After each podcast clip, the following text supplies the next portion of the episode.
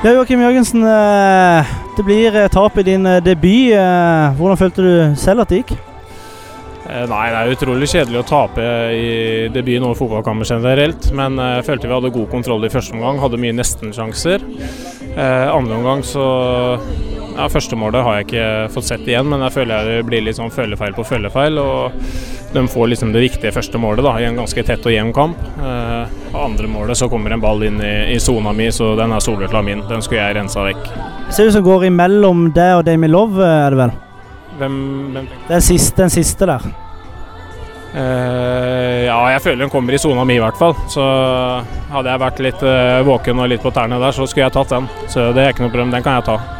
Og deilig å være, Selv om vi tar på, deilig er det å være tilbake på fotballbanen i, i seriespill. Ja, det er veldig deilig. Det har jo vært eh, faen meg skader og sykdom og alt som er, så jeg kjente jeg var ganske sliten etter første omgangen. Eh, men det er deilig å få være med og spille kamp igjen og få den i gang. Så får vi satse på at det kjenner seg enda piggere til neste match igjen. Nå er det jo Sandefjord om ikke så lenge. Du så veldig ferdig ut når du bytta ut, iallfall. Helt Kjørt. Helt kjørt.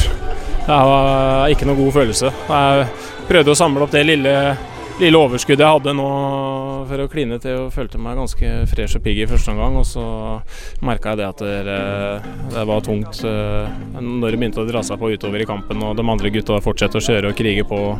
Så merka jeg at jeg begynte å henge litt etter. Eh, Så, men det, var godt å få den gjennomkjøringa her nå, så får jeg satse på at jeg er bedre til neste match. Og til slutt har du fått med deg at en eh, sørlending i utligninga for eh, Sarpsborg 08 i dag, Lars Jørgen Salvesen, fikk sitt første mål for Sarpsborg. Ja, det er jeg veldig glad for å høre. Det er, han har hørt at han er en god spiller og var en veldig godt likt fyr i gruppa, så jeg får håpe at han fortsetter å bøtte i mål for Sarpsborg 08.